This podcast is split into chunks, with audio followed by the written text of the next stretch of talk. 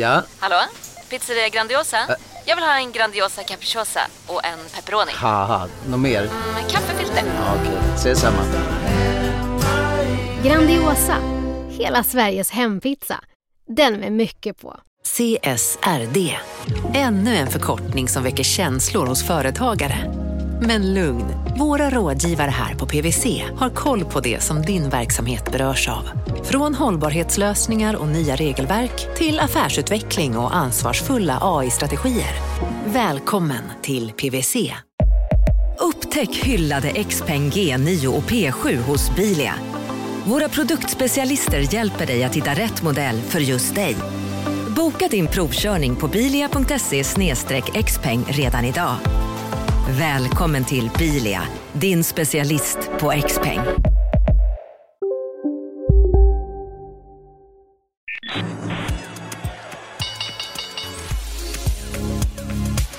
Det här är Affärsvärlden Magasin med Helene Rådstein. Hej och hjärtligt välkomna till podden Affärsvärlden Magasin där vi varje vecka fördjupar oss i affärsvärldens journalistik. Jag heter Helene Rothstein och nu sitter jag här med vdn för Revolution Race, Pernilla Nyrensten. Välkommen hit! Tack snälla, så roligt att vara här. Ja, du sa precis här innan vi satte igång, ja, eh, vi grundade bolaget i ett garage, det var 2013 va? Ja, eh, det var då allt började. Eh, vi startade bolaget 2013, 31 juli tror jag det var. Men Ja. vi sålde vårt första plagg eh, online i januari. Ja, all right. Så allt startade i min pappas garage på Vittorp, mitt i centrala Borås. Och nu så är ni börsaktuella. Helt galet, helt galet. Ja. Så roligt, alltså det är verkligen så spännande. Och eh, jag berättade ju liksom, vi gick ut eh, med att vi skulle gå ut. Eh, Personalen har ju vetat länge att vi är på gång, men inte riktigt när. Och det var liksom stort jubel i måndags verkligen. Så att alla, hela bolag ser verkligen fram emot att börsnoteras. Så det är så kul. Kan du berätta lite? För det är du och Niklas, din man, Yes. helt enkelt. Ni grundade detta 2013. Och sålde första plagget online 2014. Ja, och det var en byxa. Jajamän. Som gick i retur. Nej. Så det var ingen bra start. Eh, Så att eh, där tänkte man väl att okej, vi kanske inte ska sluta med vårt vanliga jobb då. Eh, Men eh, sen dess har vi gått från klarhet till klarhet. Och nu så vet jag att Altor äger, är det runt 60 procent? Ja, det stämmer bra. Ja, och sen så äger ni, 34 procent. vem äger resten? Resten personalen och styrelse, eh, ledningsgrupp. Så att det är nästan det roligaste av allt tycker jag. Att det är verkligen så många i personalen också som liksom aktieägare i Revolution Race. Är det alla anställda som äger? Eh, Nej, men man kan säga så, det är en sak som jag faktiskt tycker Alto gjorde väldigt bra när de köpte in sig i vårt bolag. Först kom de in som minoritetsägare och hade en option. Eh, vi var ganska nystartat bolag så de tog ju verkligen en chans med oss. De skulle ge sig in i e-handel och sådär. Men i alla fall, de lät ju att den personalen som vi hade på plats där fick ju alla investera. Så varenda avdelning är ju delaktig i denna börsintroduktionen. Men det är klart att alla de allra senaste anställda är inte med, men de allra flesta. Och när man går in, eh, eller jag signade faktiskt upp mig på nyhetsbrev här. Och då så eh, möttes jag genast av ett mejl som var så här. Välkommen till friluftsrevolutionen. Vad är det för revolution som eh, ni vill åstadkomma eller som ni kanske har åstadkommit? Jag vet Alltså- har ni åstadkommit någon revolution? Alltså det är klart att vi tycker ju det. För att det är så mycket som är spännande med Revolution Race. En av de första varumärkena i hela Europa inom vår nisch som byggdes på sociala medier tillsammans med kunderna. Och det är ju en revolution, eller hur? Alltså det är ju någonting nytt som händer. Eh, och sen var vi trötta på en överprissatt bransch, enligt oss. Det är klart att alla har sin liksom, roll. Och man brukar ofta få höra att man får vad man betalar för, eller hur? Liksom, du ska ha riktigt bra kvalitet. Men där kunde vi komma in då. Eh, liksom, skippa alla mellanhänder, gå direkt till slutkonsument online och så byggde vi varumärket på sociala medier tillsammans med våra kunder. På det sättet tycker jag verkligen att vi har revolutionerat. Men det är en sak till som jag menar med det. Vi lät kunden ta makten över hur det borde vara. För att vi involverar dem. Och en sak som jag själv identifierade, för jag har många vänner i Brå som har jättefina bolag och så vidare. Men ibland när man går via återförsäljarledet så är det faktiskt inte alltid kunden får vad de vill ha. För att återförsäljarna bestämmer ju vad de vill köpa in från varumärkena. Vilket gör att det oftast lätt landar i grått, svart och grönt. För det är lite mindre risk. Och där kunde vi komma in. Så det, där var vi också innovativa. Bara genom att lyssna på kunden och ge vad de vill ha för färger så kunde det ju också vara innovativt tack vare att vi hade skippat alla mellanhänder. Det tycker jag är riktigt coolt. För en sak som sticker ut eh, om man tittar på handeln mm. generellt, men man ska väl jämföra med e-handlare då, ja. det är ju att eh, ni har varit så pass lönsamma.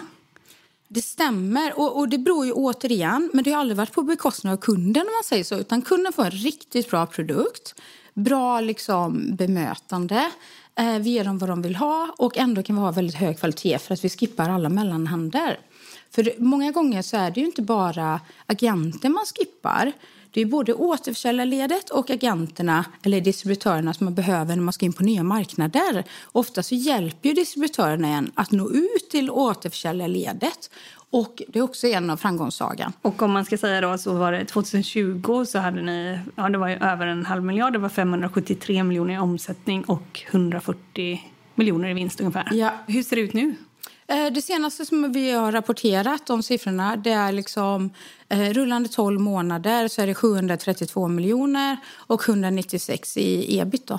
Är du nöjd med de här siffrorna? Alltså, jag är jättenöjd. Det viktigaste för oss som bolag är att kunden är nöjd. Men självklart att bygga liksom en lönsam eh, Eh, ett lönsamt bolag, det är hållbart. För då kan liksom de anställda få bra liksom, kultur i bolaget. För då kan vi bygga mycket på kultur. Så att de kan vara stolta över sin arbetsplats. Kunden är nöjd och aktieägarna är nöjda förhoppningsvis nu då när vi ska gå mot börsen också. Mm. Att det blev Altor som ni lierade med. Jag vet i, liksom, efter, när ni hade funnits ett par år så var det ju ganska svårt att få in investerare som kunde komma med ja, men det kapitalet som inte var så mycket som ni behövde liksom, från början. Hur gick den processen ja, till? Liksom? Jo, men det var ett väldigt stort intresse då. För vi var en av de få som var så pass lönsamma. Och en sak som väldigt många gick igång på, det var att året innan hade vi ungefär 46 miljoner i omsättning. Vilket år är vi på? Eh, detta är liksom, vi har brutit räkenskapsår så det går från första juli till sista juni. Mm. Eh, så det är inte hela kalenderår då. Eh, då var det liksom bokslutsåret 16-17.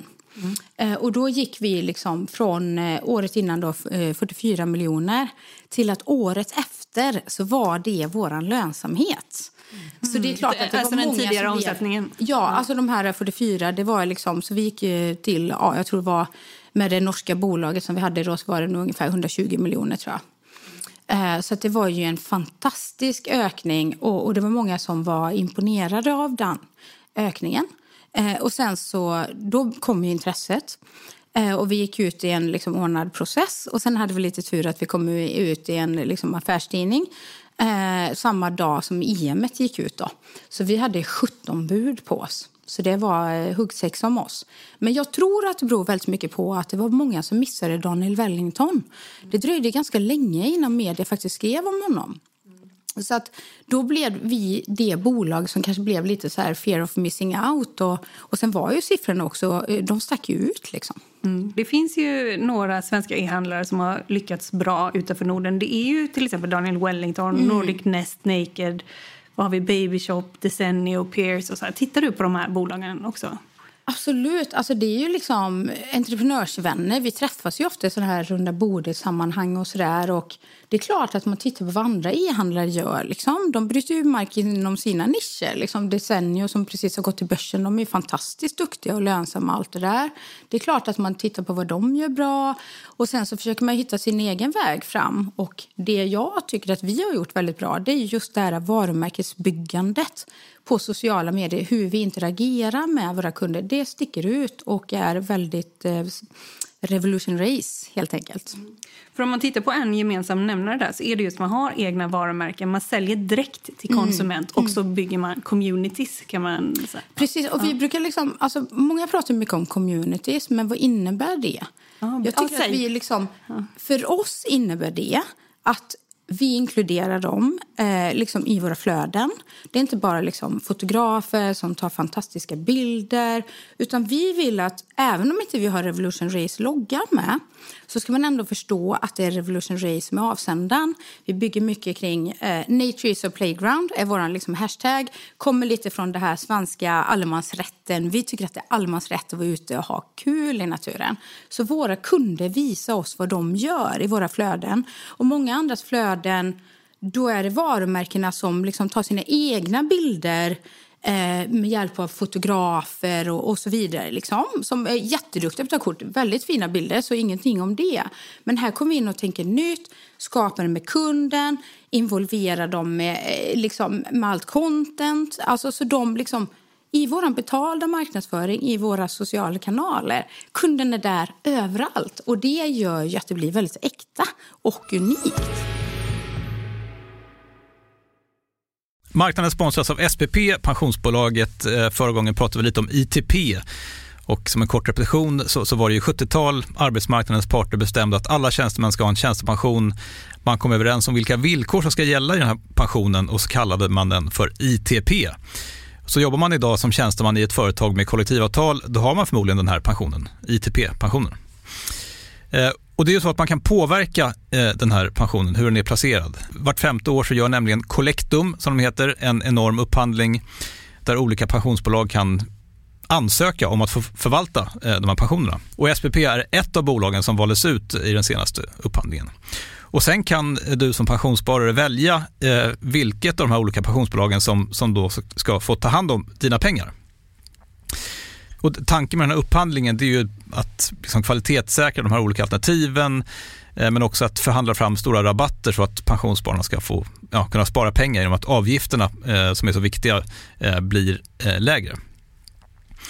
Och vill man välja någonting i ITP-systemet då finns det en relativt ny sajt som heter avtalat.se. Ehm, där kan man gå in och se hur sin ITP-pension är placerad. Jag gjorde det häromdagen faktiskt. Ehm, idén är att hälften av pengarna alltid ligger i något som kallas för traditionell försäkring. Det här gjorde vi ett avsnitt om i podden Kapitalet nyligen eh, som vi kallade världens bästa sparform. kan man lyssna på om man är intresserad. Eh, den andra halvan eh, den kan man också lägga i en traditionell försäkring eller så kan man placera det i något som kallas för fondförsäkring. Eh, SPP som sagt eh, var ju ett av de fåtal bolagen som valdes ut i den senaste upphandlingen och de finns med som alternativ både med en traditionell försäkring och med eh, fonder. Så det var en liten bakgrund till ITP-systemet. Vill man läsa mer om det här eller typ kolla hur ITP-pensionen är placerad, eh, kanske göra förändringar, då går man in på avtalat.se men tack säger jag till SPP som vill göra oss människor mer medvetna om hur enormt viktig pensionen är för oss som en framtida lön, men också som en positiv kraft i samhället eh, och förstås för att ni möjliggör eh, den här podden Marknaden. Du lyssnar på Affärsvärlden Magasin med Helene Rådstein. Ni finns ju på flera marknader, ett 30-tal. Eh, just 35. 35, ja. ja. Och eh, jag läste att Tyskland är er största marknad. Det stämmer. Ja. Hur, hur, eh, hur blev det så? Nej, men alltså, jag är ganska otålig. Entreprenör, man är känd för att liksom gilla att åka störtlopp. Det ska gå fort, det ska gå undan. Men vi förstod väl också någonstans att det här happy outdoor eh, liksom varumärket som vi började bygga tillsammans med kunden skulle vara färgglatt, vi skulle inkludera och sådär. Då vill vi nyttja det här med first in mover. Eh, och Facebook började skriva om oss och de hade till och med liksom success stories om oss borta i San Francisco och hade liksom det här coola svenska varumärket eh, som de highlightade att de tyckte att vi gjorde så bra med någonting som kallas eh, real life hacks. Vet vad det är? Alltså det är väl när man filmar någon, alltså det ska inte vara så stylat och snyggt utan det ska Nej. vara lite Precis. Man kan väl säga så att eh, reklam ska anpassas för de olika plattformarna. På Snapchat håller man på med liksom kaninöron och allt det där. Då ska det vara lite kul. Och på Facebook ska det vara liksom inte så konstlat utan man ska få känsla av att det händer här och nu. Mm. Så många kommer liksom från tv-tiden liksom, och överproducerat.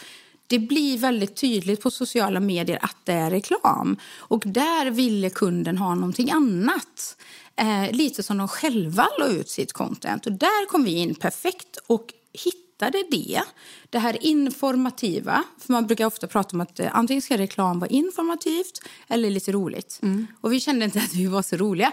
Och våra produkter behöver man ju prata mycket om funktioner och sådär. Och många andra varumärken, de vill ju gärna göra väldigt snygga, liksom, för de tänker mycket på sitt varumärke, att det ska vara liksom en viss kvalitet så. Men vi, vi tänkte mer på liksom addera värde till kunden. Vad det faktiskt innebär att få alla de här detaljerna förklara för sig. För alla kan inte alla detaljerna. Och det älskade våra kunder. Och halkade Nicke så var det första tagningen. Och det mottogs väldigt väl. Fast Facebook trodde inte det själva först. Utan de såg ju filmen så det var lite jobbigt. Då hade ni köpt betald marknadsföring ja. på Facebook. Ja. Mm. Och det man kan säga, liksom, det som hände där och då var ganska kul. Vi hade inte så mycket pengar för vi lagade allting på marknadsföring och, och liksom produkten. Produkten ska vara bra och de pengarna vi hade la vi på marknadsföring och inte produktionen. Mm. Eh, och då var vi tvungna att vara ganska kreativa. Vad ska vi hitta på nu? Då kunde vi använda vår bakgrund. Jag har jobbat mycket på mässor och, och där snappade vi upp hur många det är som faktiskt inte förstår produkterna. Det var flera som hade jättedyra produkter på sig eller byxor som inte visste, ha är det liksom eh, knähål här? Kan jag stå på i knäskydd liksom? Och då började Nicke berätta om alla de här funktionerna. Men då ringde vår kontaktperson upp. Eh, Rebecka heter hon. På Facebook? Och, ja, precis. Vi hade en sån här ads manager kallas det. Om mm. man eh, använder betald marknadsföring så får man liksom lite hjälp från dem så att man liksom ska få lite coaching, hur man, hur man kan utvecklas och så vidare. Och då tyckte hon liksom att det är jättebra med rörligt, men det här var ju tråkigt. Så hon eh, sågade det totalt. Men eh, två dagar senare, vi gav oss inte. För vi trodde verkligen på det här informativa, kundnyttan. Liksom, vi har lärt oss från liksom, när vi har sålt. Jag har ju sålt jättemycket eh, innan vi gick online. Då. Eh, då fick hon ringa tillbaka och då var det en total succé. Och då ramlade vi ju helt rätt i det som kallas real life hacks. Så efter bara ett tag, ett halvår senare, så visar de det i San Francisco att så här ska man göra på våra eh, plattformar. Kolla på detta coola svenska varumärket som har hittat det här med real life hacks. Det är det som gäller på våra plattformar. Så tillbaka till Tyskland. Eh, så vi förstod ju att vi liksom verkligen behövde springa fort eh, och bli liksom den här first in mover, claima den positionen. Alla känner ju till GoPro. Om det kommer liksom kopior efteråt så liksom GoPro är alltid den man tänker på. Liksom. Och så tänkte vi kring vårt koncept. För många var ju återförsäljarledet och vi började se den här transformeringen som började se. Vi var väldigt, man brukar ju ofta prata om tur, skicklighet och timing. Mm. Och där hade vi lite av allt tror jag. Mm. Och eh, då kom vi in och var lönsamma redan dag två. På den eh, tyska marknaden? Yes, och idag är Tyskland den överlägset största marknaden. Hur mycket säljer ni för där? Eh, vi pratar om regioner, så jag kommer inte kunna... Liksom, utan Det är Dach och ja. Eh, Schweiz som räknas in i den regi ja. regionen som vi kommer redovisa för på börsen sen. Eh, och de senaste siffrorna som jag kan prata om, då står den regionen för liksom ungefär 37 procent av vår försäljning. Så det är väldigt mycket. Men med det sagt så är Tyskland den absolut största marknaden för oss. Och hur ser det ut på andra marknader? Vad, vad är ni sen? Vi började ju i Sverige såklart. Vi började med 300 000 som jag sa. Och det var ju all in. Vi tog ut jättelite lön. Jag tror jag hade 10 000 i månaden. Vi bodde i det lilla radhuset. Det kostade inte så mycket att bo där liksom. Så vi satsade allt på bolaget innan allt kom in 2017. Eh, och därför så blev vi ju väldigt starka eh, såklart i Norden. Det är ju där vi har varit längst. Eh, sen 2017 gick vi in i Tyskland och sen har vi rullat ut ungefär två till fyra nya marknader per år. Så rest of the world, det är ju liksom alla andra utom Dach och Norden. Eh, det är ungefär 15 procent. Eh, men det är ju också den region som växer absolut mest. Bland annat UK går väldigt, väldigt bra i den. När ni rullar in då på andra marknader, vilka kanaler använder ni då? Eller använder ni er av influencers eller hur gör ni? Det är en blandning faktiskt. Eh, det är vår så kallade secret sauce, brukar vi säga lite grann. Jaha, det är men, men liksom, vi, använder, vi tror väldigt mycket på det nya sättet att bygga ett varumärke. När man går direkt till slutkonsument online då, då behöver man vara där kunden är. Och kunden är ju väldigt ofta på sociala plattformar. Även om man älskar naturen, djuren och allt det där så är de ju väldigt ofta där. Så då kan vi nå dem genom att bygga varumärken. Så att ibland använder vi influencers. Eh, och vi det är liksom en kombo av alltihopa. Vi är på Youtube, vi använder influencers, vi eh, betalar marknadsföring och så naturligtvis får vi mycket referrals. Alltså nöjda kunder skapar bra business framåt också. Ja. Hur går det då till? Ni går in i Tyskland och mm. så säljer ni, som du säger, vi blir lönsamma dag två. Alltså hur ja, funkar nej, men det? Alltså det som skiljer våran approach, jag tror att väldigt många gör mycket research innan och så bestämmer man vilken position man, hur man ska positionera sig. Jag vet till exempel Alto liksom köpte in sig i Helly Hansen och de är ju kända som ett seglarmärke i Norden. Men i USA så blev de kända som ett skidmärke så det är klart att det finns lite olika vägar att ta sig in liksom. Ja, ja. Eh, och, och det, då gör många väldigt mycket research. Men vi valde ju att gå ut och, och liksom skjuta brett kan man väl säga. Fast vi hade vår approach. Det var ju de här äkta filmerna, mycket real life hacks eh, och så vidare. Det var ju så vi gjorde 2017. Eh, men när vi går in i UK 2020 då, då gjorde vi liksom en helt annan mix av lokala eh, kända personer eh, inom vår nisch. Då, alltså de är liksom outdoor-personer och så vidare.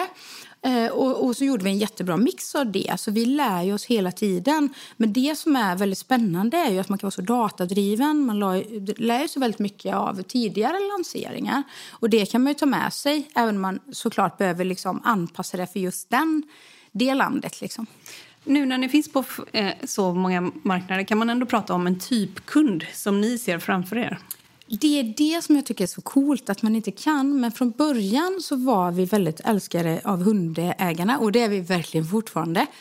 Hundägare världen över älskar Revolution Race. Aha, och det här kan också hänga ihop med liksom ökat husdjursintresse också? Nej, men det skulle jag tro. Men liksom, det är bara för att vi älskar, vi älskar hundar och djur. Liksom. Alltså, vi, gör, vi har haft med dem sen start. De är liksom ja. våra det är ju våra superstars egentligen. De slår ju liksom, så ja, får man ha ett djur med. Ja. Det är ju verkligen liksom succé direkt. Mm. Men det är en äkta kärlek även till djuren, inte bara kunden liksom. Eh, så att de har varit väldigt involverade. Så de var ju startmålgruppen eh, kan man säga lite grann. Mm. Eh, men det som också, vi säljer både till dem och här. Men det är klart att när man säljer multifunktionella kläder, det behöver du i city. Och du behöver det i skogen. Du behöver de typerna av produkterna överallt mm. egentligen. Mm. Eh, och det är lite den positionen vi har tagit då. Så att vi har inte varit så liksom specialanpassade till en målgrupp. Utan vår största kundbas är mellan 25 och liksom 55 skulle jag säga. Det är de, men det är även från 17 till 70 år, både mm. dam och herr. Mm. Nästan lika många eh, procent försäljning på båda könen då. Och så ser det ut på de allra flesta marknaderna. Men det är klart att om man jämför lite olika marknader så är ju Tyskland lite mer core-kund och core-aktiviteter. Medan till exempel Norden, eh, ibland när man frågar i Sverige, de använder våra produkter överallt hela tiden. Småbarnsföräldrar har det, du vet man ska vara lite outdoorsy och bara ta en liten picknick eller låta barnen leka i lek, eh, sandlådan liksom. Eh, och det tycker vi är så coolt för vi vill ju bli lika folkliga som Ikea och det är väl ett eh, väldigt bra betyg att de faktiskt använder våra kläder på det sättet. Eh, marknaden sponsras av Karla. Eh, vi pratar ju en hel del om bilar här på kontoret. Eh, Karla har ju skapat, skulle jag säga, det som är standarden för hur man idag köper och säljer bilar på nätet. Eh, kort bakgrund bara. Eh, Karla säljer och leasar begagnade elbilar eh, och laddhybrider på karla.se. Alltså en helt eh, digital upplevelse. Och man har gjort det här med ett nästan maniskt fokus på vad en bilköpare faktiskt behöver. Jag gjorde ju en intervju med en av grundarna, Patrik Illerstig, i marknaden här eh, ganska nyligen, eh, daterad 25 mars, om man vill lyssna på den Eh, men där berättar han hur de kom in i det här lite från vänster för att försöka uppfinna hela den här liksom bilköpupplevelsen från början. Och de har idag, vilket är rätt otroligt, 4,8 i betyg eh, på Trustpilot. Jag, jag har sett många företagssidor på Trustpilot, men det här är nog bland eh, det bästa jag någonsin sett faktiskt. Man kan sälja bilen till Karla också. Då går man in på karla.se, delar lite info om bilen, sen får man en gratis värdering och ett bud de hämtar bilen helt gratis i hela Sverige och så har man pengarna på kontot i samma stund som de hämtar bilen. Det är grymt. Eh, så ska du köpa en ny bil eller sälja din gamla, eller båda delar för den delen, gå in på karla.se och eh, kolla. Alltså karla.se och Karla stavas med C. Tack så mycket till Karla.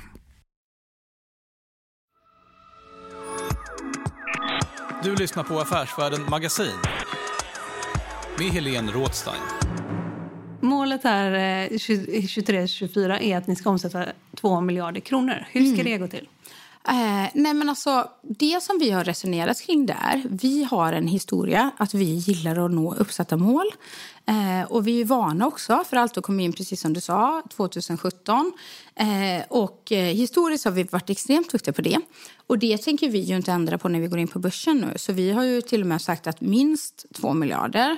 Och eh, hur vi ska lösa det, det är genom att bredda vårt varusortiment, eh, växa inom befintliga kategorier, utöka till nya marknader och vi har även lagt in Amazon och det har också varit väldigt framgångsrikt. Eh, och växa på befintliga marknader, nya marknader och utveckla varusortimentet tillsammans med kunder. Och vad är det då för nya produkter man kan tänka sig? Bland annat så har vi liksom planer på ryggsäckar och skor. Mm. Det är inte allt för långt bort. Eh, en av denna kategorin kommer liksom lanseras under året. Mm. Eh, och Det ser vi fram emot. Och det är återigen saker som vi frågar våra kunder. Vilka produkter vill ni att Revolution Race ska liksom in i? Och Då har vi fått höra, särskilt i skobranschen, tycker jag är lite kul att det är många som har eh, dyra kängor som de ofta tycker är för fina för att ha för hundpromenaden eller gå ut i city. Och där kommer vi in så perfekt. Liksom. Riktigt hög kvalitet. Liksom. Eh, men det är också produkter som man kan använda. Det blir liksom pris per användande. Där är Revolution Race verkligen tagit en unik position skulle jag säga. Så att eh, det, det är ett jätte, jättespännande segment. Mm. Och om man tittar på nya marknader, vad, då sa du UK är växande nu, men om man tittar framåt, hur, vad, vad ser du framför dig då? Ja, UK var ju förra årets liksom stora succé, ja. 2020. Eh, och i år eh, satsar vi på USA.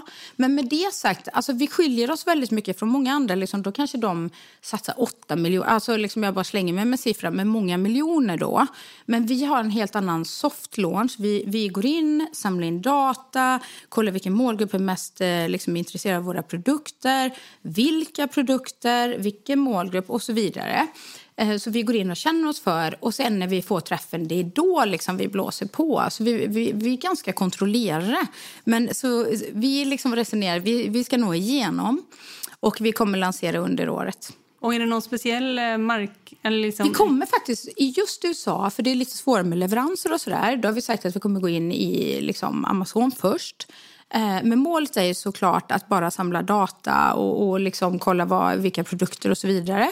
Och sen när vi har bättre koll på det eh, så kommer vi ju såklart eh, satsa mer på vår egen eh, sajt som vanligt. Och jobba med Amazon parallellt såklart. Men det är ju så vi tänker. Mm. Men du, har också, du är också uppväxt inom kläd... Alltså din det pappa stämmer. jobbade mm. inom klädbranschen. Vad gjorde han för någonting? Nej, men han var ju liksom så här, eh, knalle, fast han hade butiker runt om i Sverige. Du vet, alltså, knalle är ju Borås. Liksom. Jag vet inte om mm. du vet det, men liksom, alltså, det är verkligen en sån kultur. Och han är ju typ knalle, fast han är liksom en modern eh, knalle kan man väl säga. Så han hade ju massa butiker runt om i Sverige. Så jag sålde ju som åttaåring redan gång, eh, första gången. Liksom. Jag, jag kunde knappt nå upp till disken, men jag skulle vara där. Liksom. Eh, så att eh, jag älskade verkligen att sälja till kunden för jag ville att de skulle bli nöjda. Mm. Så att det har jag levt med. Så att jag har växt upp i en väldigt entreprenöriell familj.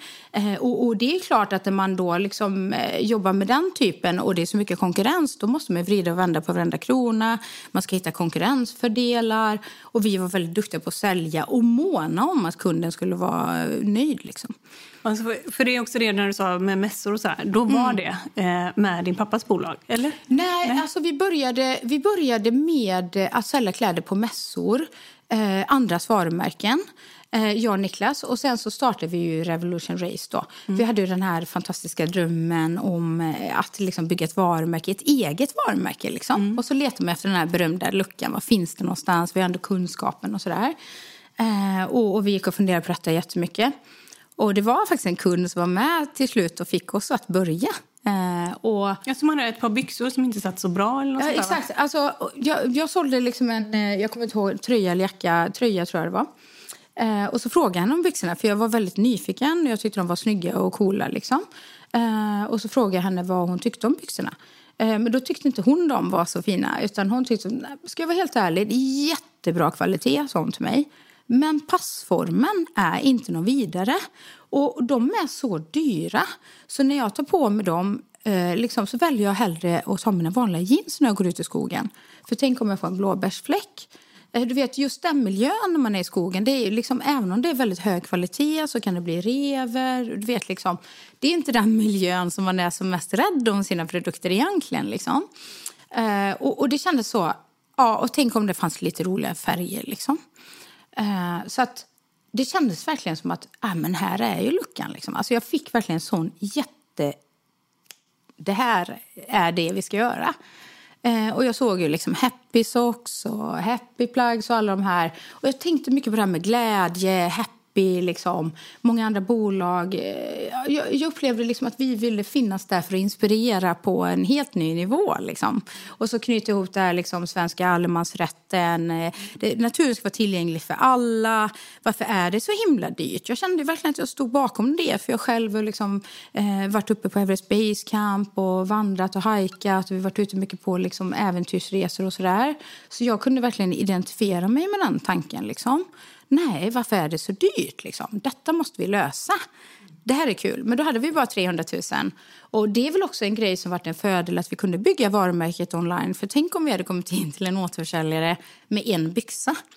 Alltså du, du kan inte åka till Asien ens liksom med så lite pengar. Så vi gick ju via en svensk agent i början. Eh, och, och då fick vi ju ta det därifrån. Det var ju det enda som fanns på vår sajt. Men vi kände väl liksom, det var som en sidobusiness. Eh, vi såg det väldigt mycket som det i början, fast vi ville ju såklart lyckas. Och då hade ni en byxa. Hur många exemplar? Den första kollektionen, alltså det jag tror det var 10 000 och då sålde vi liksom tre olika färger till dem och här. Eh, och då vet jag att vi tidigt frågade vilken färg de ville ha. Eh, inte på alla då, det var väl någon svart såklart. Eh, men i alla fall då var svaret eh, orange och rosa. Och ett halvår senare när de kom in, då sålde de ju slut. Det var det som var coolt. Liksom. Att då såg man verkligen så här, herregud, kunden liksom vet vad kunden vill ha. Du lyssnar på Affärsvärlden Magasin med Helene Rådstein. Jag är ganska fascinerad över hela klustret mm. runt eh, Borås. Alltså för det första den här textilindustrin som liksom la ner på något sätt. Men sen Ja, också, precis. Men sen också nu... Ömsat nytt skinn, nästan lite ja, så. att ha Ja. ömsat nytt skinn. Och jag tänker också, är det någon fördel för er som e-handlare, alltså vad det gäller personal eller attityd eller ja, vad, vad som helst? Nej, men jag skulle säga så här, Borås är ju liksom till och med Göteborg, alltså Göteborg och Borås kan ju vara lite så här eh, gulliga lillebror storebror komplex Mm. liksom. Men eh, någonting som de ofta säger om oss också, det är 11 000 företag i en ganska liten stad på 110 000 invånare eller någonting sånt där. Så det är ju helt fantastiskt. Det är klart att den kulturen, det är både att man har många förebilder som man kan inspireras av, mycket kunskap för de här, alla de här bolagen attraherar i sin tur väldigt mycket kunnig personal. Så det blir liksom en helt annan liksom, möjlighet att bygga bolag och sen också närheten till Göteborg gör ju att Borås Och lite är billigare. väldigt, liksom, det är lite billigare med lokalhyror, det är kanske lite billigare löner. Eh, Det, det är lättare att starta helt enkelt. Och sen så är det ju en kultur att det är fint. Jag vet att det var någon jag pratade med för, för liksom bara Alltså tre att- år sedan. att Att, starta entreprenörskap- bolag är fint i Borås. Liksom. Och nu har det blivit, jag vet inte om du har märkt det som håller på, alltså aktiesparare, det blir bara yngre yngre människor, eller hur? Alltså, och det tycker jag är så coolt, att det inte bara är äldre som är intresserade av aktiemarknaden och så vidare. Liksom. Och starta bolag, för det hänger ju på något sätt, liksom.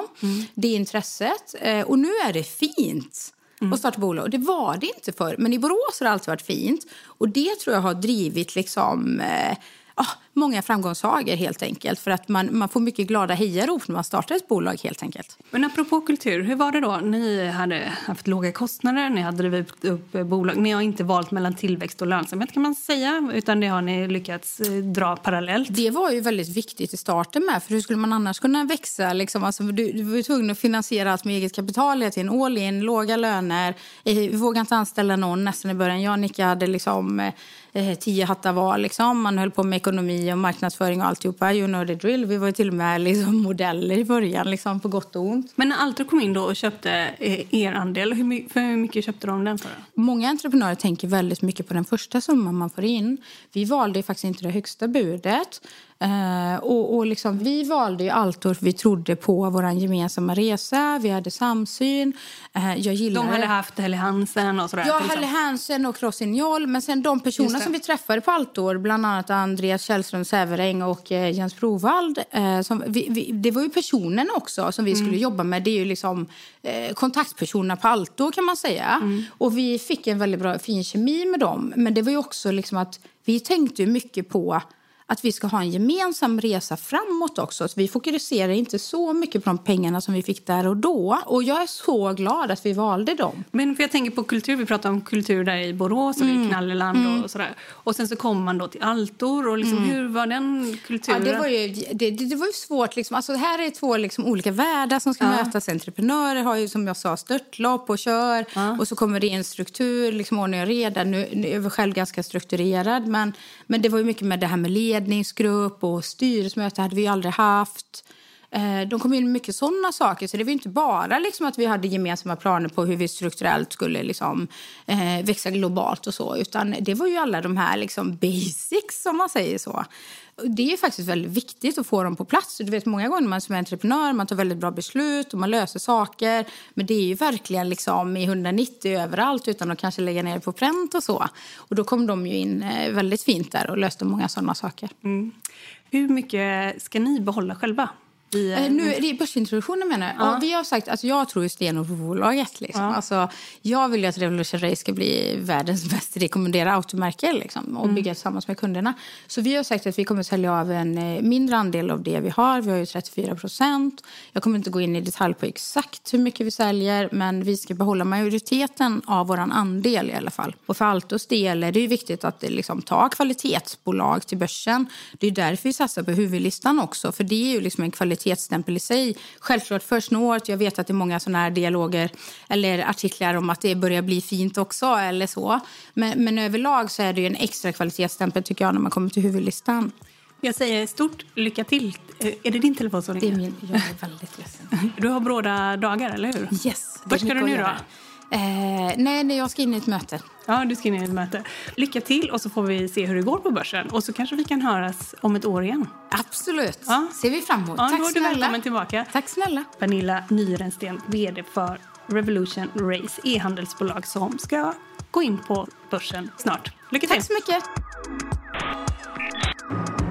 Du har lyssnat på podden Affärsvärlden Magasin med mig, Helene Rothstein. Mer information om vår journalistik hittar du på www.affärsvärlden.se. Och den här podden den är tillbaka om en vecka. Håll ut! Hej då!